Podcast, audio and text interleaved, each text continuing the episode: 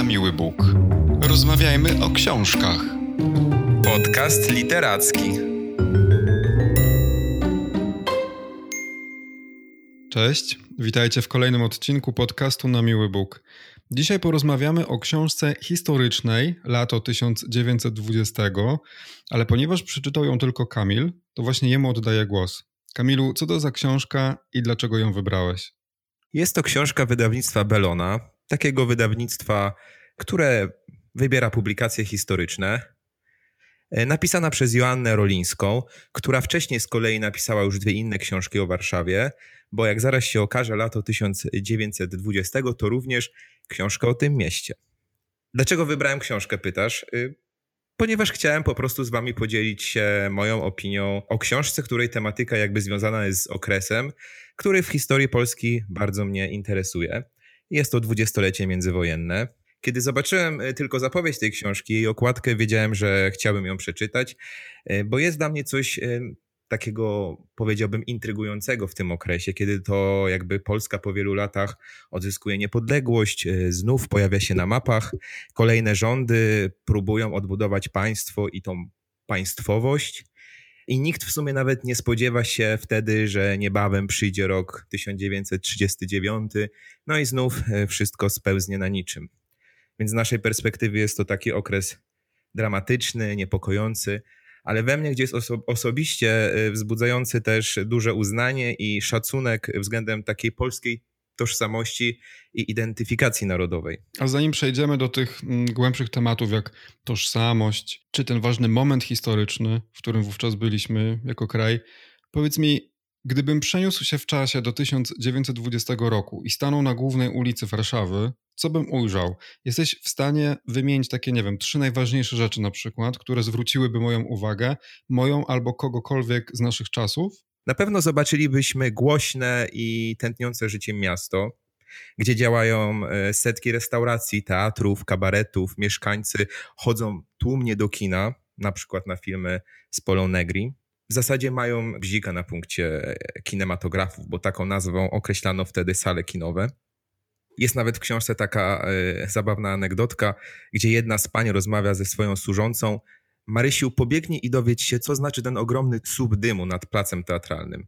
Pali się teatr rozmaitości, raportuje Marysia. A mnie tak strasznie serce biło. Już myślałam, że pali się jakiś kinematograf, odpowiada pani. Także warszawiacy korzystali z rozrywki i to na pewno byśmy zobaczyli, że byli uczestnikami wydarzeń kulturalnych, wreszcie takich wydarzeń kulturalnych, które związane były z literaturą, y, sztuką teatralną czy muzyką polskich twórców. I w książce możemy przeczytać wiele oryginalnych recenzji, premier teatralnych.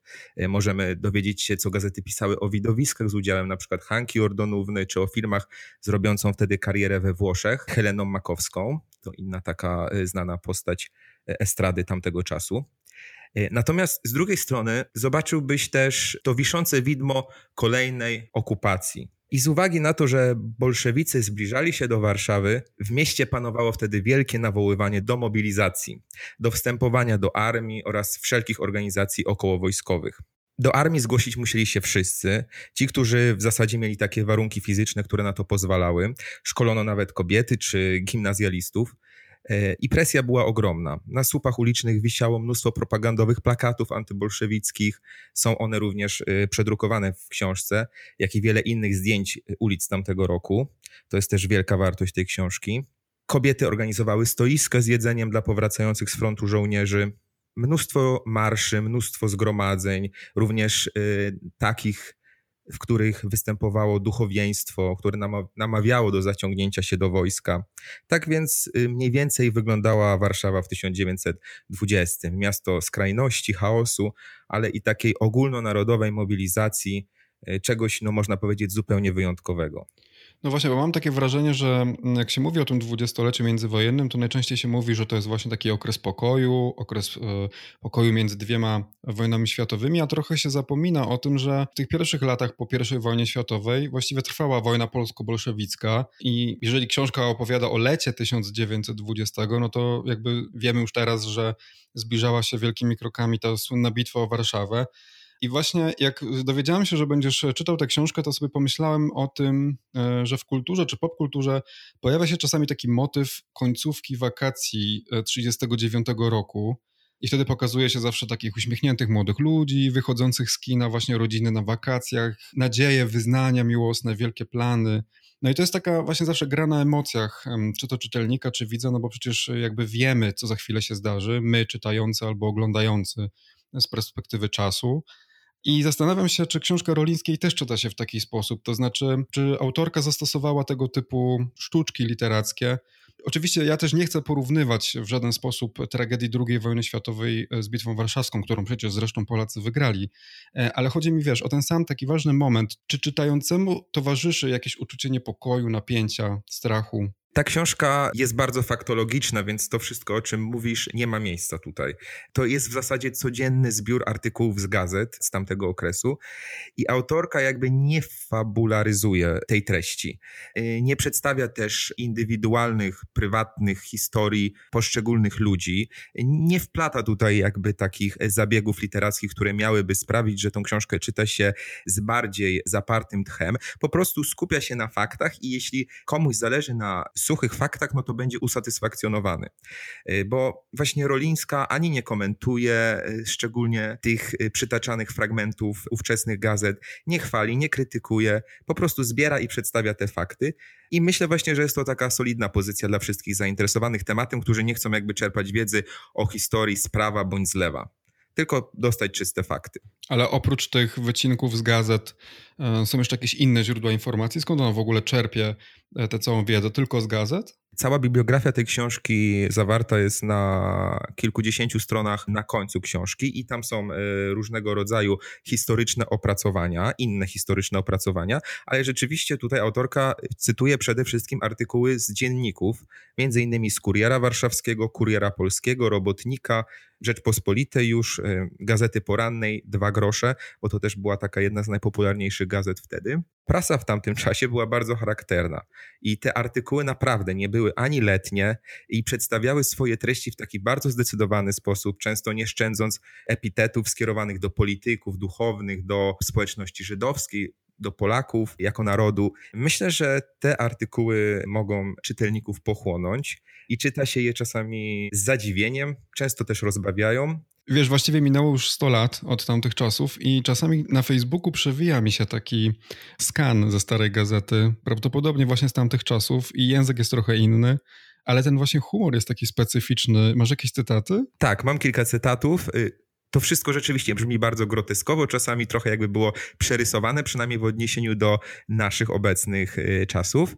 Ja lubiłem czytać dział ogłoszeń, bo jakby książka była skonstruowana w ten sposób, że na końcu każdego opisanego dnia był jakby wycinek ogłoszeń y, na dany dzień z danej gazety. Y, I ja podzieliłem sobie te ogłoszenia na potrzeby naszego dzisiejszego odcinka na takie trzy grupy. Dajmy na to pierwsza grupa wypadki poważne i mniej poważne, tak to nazwałem. Na przykład takie ogłoszenia były w tym dziale. Na placu zabaw ludowych y, za parkiem praskim spadła z huśtawki 13-letnia Sara Szmitówna, zamieszkała przy ulicy Freta 4. Ogólnie potłuczoną przewiozło pogotowie do szpitala przemienienia pańskiego. Albo do siódmego komisariatu zgłosił się Chaim Arnofeld, Młynarska 12 i zawiadomił, że w niedzielę wieczorem, gdy siedział na balkonie swojego mieszkania, dawny jego wspólnik, Żerański, Leszno 138, stojąc na wprost balkonu, dał do niego dwa strzały rewolwerowe, jednak chybił. Żerański zbiegł w stronę Leszna. Przy ulicy Freta numer 40 oskarżona o kradzież 1500 marek służąca Elżbieta Anosówna z rozpaczy napiła się jodyny. Lekarz pogotowia po udzieleniu pomocy pozostawił desperatkę na miejscu. Albo Wezwano w nocy pogotowie do Hajma Rękawa z ulicy Wolskiej 177, którego pobił do krwi pilnujący ogrodu stróż nocny Leon Rewulski. Pobitego po nałożeniu opatrunku zostawiono na miejscu. Został on schwytany na gorącym uczynku kradzieży warzyw z ogrodu. Także wydawać by się mogło, y, że opisywane są w tych ogłoszeniach i to jeszcze z imienia i nazwiska, bardzo groteskowe y, sytuacje, które dzisiaj nie miałyby y, racji bytu w prasie. No w prasie właśnie nie, ale tak sobie pomyślałem, jak czytałeś to ogłoszenie, że to są po prostu posty z Facebooka, naprawdę. tak się właśnie dzisiaj pisze posty, nie? Właśnie nie, nie, nie robią już tego gazety, tylko informujemy, co zjedliśmy na śniadanie. Tak jest. Kogo spotkaliśmy na ulicy, kto nam, nie wiem, wybił szybę w samochodzie i tak dalej, i tak dalej.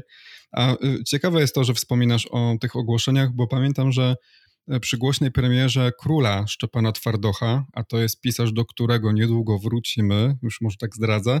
Tak. Właśnie Twardoch mówił o tym, że aby odtworzyć właśnie Warszawę z końcówki lat 30., czytał właśnie ogłoszenia z ówczesnych gazet, bo w tych ogłoszeniach można było właśnie znaleźć i język, i nazwy ulic, i właśnie imiona, i nazwiska, i też takie wydarzenia, które pokazywały tło społeczne, to co się w ogóle wtedy działo, nie wiem, jakie instrumenty się sprzedawało, mhm. jakimi samochodami jeżdżono i tak dalej, i tak dalej. Więc to faktycznie dział ogłoszeń E, w gazecie, faktycznie jest bardzo fajnym źródłem na sprawdzenie tego, jak wszystko wyglądało, jak wszystko działało, co ludzie robili.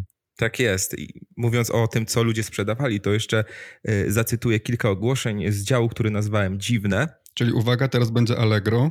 tak. E, jest do sprzedania sztuczna noga męska z prawej strony, Praga Brudnowska 4, albo o zgrozo. Chłopczyka ochrzczonego, trzymiesięcznego oddam miłosiernym katolickim paniom na wychowanie. Mogę dopłacić. Sowia 3 przez 50. No słuchamy dalej. Zgubiłam sztuczne zęby, proszę o zwrot, fatygę wynagrodzę. Elektoralna 4 mieszkania 2.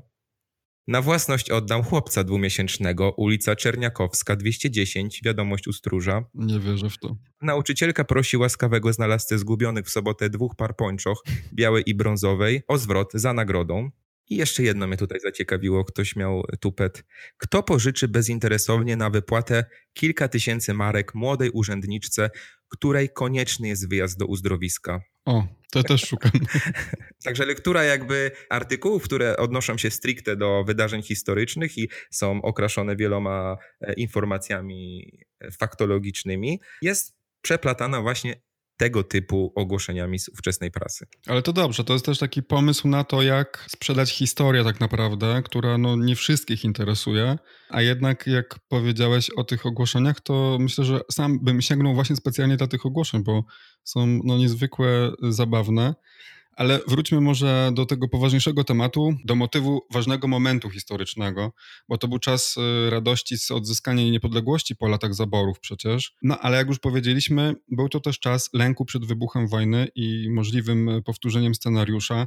Powiedz mi, co w ówczesnej Warszawie przeważało tak naprawdę? Dało się to jakoś stwierdzić? Ta, ta radość właśnie, czy ten strach? Dużą wartością właśnie tych artykułów jest pokazanie tego, że ci warszawiacy w tamtych czasach byli po prostu ludźmi.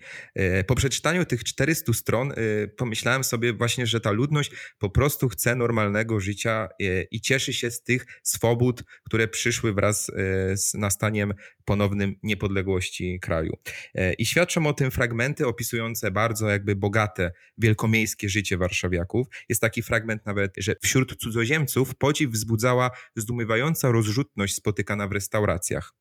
Czyli w sumie tak jak dzisiaj, nie? Czyli mieszkańcy jakby korzystali z tego życia i tak było nawet w dniach, kiedy bolszewicy byli już tuż pod Warszawą.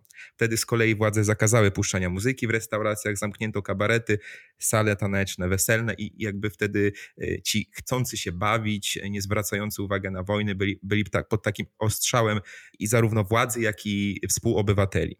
No ale z drugiej strony była też jakby taka ogromna część społeczeństwa, która e, zdawała sobie sprawę z zagrożenia i się mobilizowała. I ludzie wpłacali ogromne ilości pieniędzy na tak zwaną pożyczkę odrodzenia Polski. To było takie wsparcie finansowe, które miało w przyszłości po zakończonej wojnie dawać jakieś profity tym, którzy wpłacili. To w 1920 i te wszystkie pieniądze szły na budowę armii i całego zaplecza dla tej armii, żeby tą bitwę warszawską wygrać. Inni też się poświęcali. Kobiety przygotowywały posiłki dla żołnierzy. W momencie, kiedy trwały strajki robotników ze względu na zbyt małe pensje, młodzi ludzie bezinteresownie jakby przejmowali czynności za robotników, nawet prowadzili tramwaje w tej Warszawie, aby miasto nadal funkcjonowało. Więc bez wahania można powiedzieć, że wielu warszawiaków nie chciało jakby stracić tej niepodległości ponownie i dawali siebie bardzo wiele. Ja byłem wielokrotnie pod wrażeniem tego, jak pojedyncze jednostki, ale i całe grupy rezygnowały z komfortu, żeby pomóc państwu, oddawali swoje majątki, aby były pieniądze na uzbrojenie armii, na jedzenie, nawet na papierosy dla żołnierzy. Także Jak mnie pytasz, czy było więcej lęku czy radości, to myślę, że była radość ze wszystkich swobód, jakie niosła niepodległość państwa i też ogromna mobilizacja, żeby czasami tego znowu nie stracić. Mhm, ale z tego, co mówisz, to wyłaniać taki obraz, że to są właściwie historie takich zwykłych obywateli, zwykłych ludzi. Jak najbardziej. Są opisywane jakby mm, trendy panujące wśród mieszkańców Warszawy, ich zajęcia i tak dalej, mimo że jakby nikomu nie przypatrujemy się tak naprawdę z imienia i nazwiska e, i nie śledzimy niczyjej historii. Mhm, ale okej, okay, ale jest jakaś taka postać, która zwróciła tak, nie wiem, ewidentnie twoją uwagę, na przykład ktoś, o kim mógłbyś powiedzieć, że dzisiaj nikt o tej osobie nie pamięta, a na przykład powinniśmy o tej osobie pamiętać, powinniśmy jej na przykład taką pamięć przywrócić? Ciężkie pytanie. Myślę, że przede wszystkim w książce mm, mówi się o Piłsudskim, Dmowskim, Daszyńskim, jako tym postaciom, e, które klarowały tamte polityczne e, decyzje. Natomiast y, jest tam podanych też kilka, kilka postaci, których ja nazwisk nawet nie kojarzyłem. Na przykład jest historia Arpada Chowańczaka, y, który w ogóle był określany jako warszawski król futer. Y, I nie chcę oczywiście chwalić go za jego fach, ale był to człowiek niezwykle pracowity i przedsiębiorczy, uważany przez ówczesne gazety za przykład American Dream w ogóle, ale on wiele swoich zysków oddawał na cele państwowe. I co najważniejsze, on też wybudował taką dużą willę na Mokotowie, która stoi do dnia dzisiejszego. I w trakcie już II wojny światowej ukrywał tam żydowskie rodziny swoich pracowników. Udostępniał też pokoje w willi e, w celach e, tajnego nauczania. Więc jakby taka postać, y, która zrobiła dużo dobrego. Ja tego nazwiska wcześniej nie, koja nie kojarzyłem. Myślę, że warto y, sobie o nim przypomnieć, szczególnie, że możemy pojechać na Mokotu w Warszawie i zobaczyć tą willę, która tyle historii w sobie mieści. Z drugiej strony mamy też w książce opisane mniej chwalebne postaci, na przykład Eligiusza Niewiadomskiego, przyszłego mordercy prezydenta Narutowicza, albo księdza Marcelego Nowakowskiego, który był jawnym antysemitą, autorem m.in. książki Strześ się Żydów i bolszewików, mhm. E, który jednak miał ogromny posłuch w ówczesnej Warszawie.